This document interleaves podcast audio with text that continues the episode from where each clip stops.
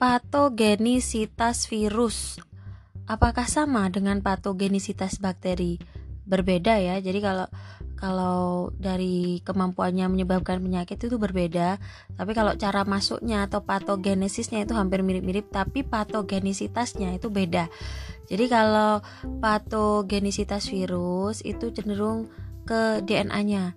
Beda dengan bakteri ya. Kalau bakteri itu endotoksin atau eksotoksin. Tapi kalau virus itu pada kemampuannya untuk menghijack atau membajak DNA-nya.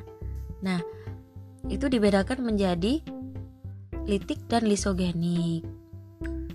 Selanjutnya kita akan membicarakan tentang litik dan lisogenik.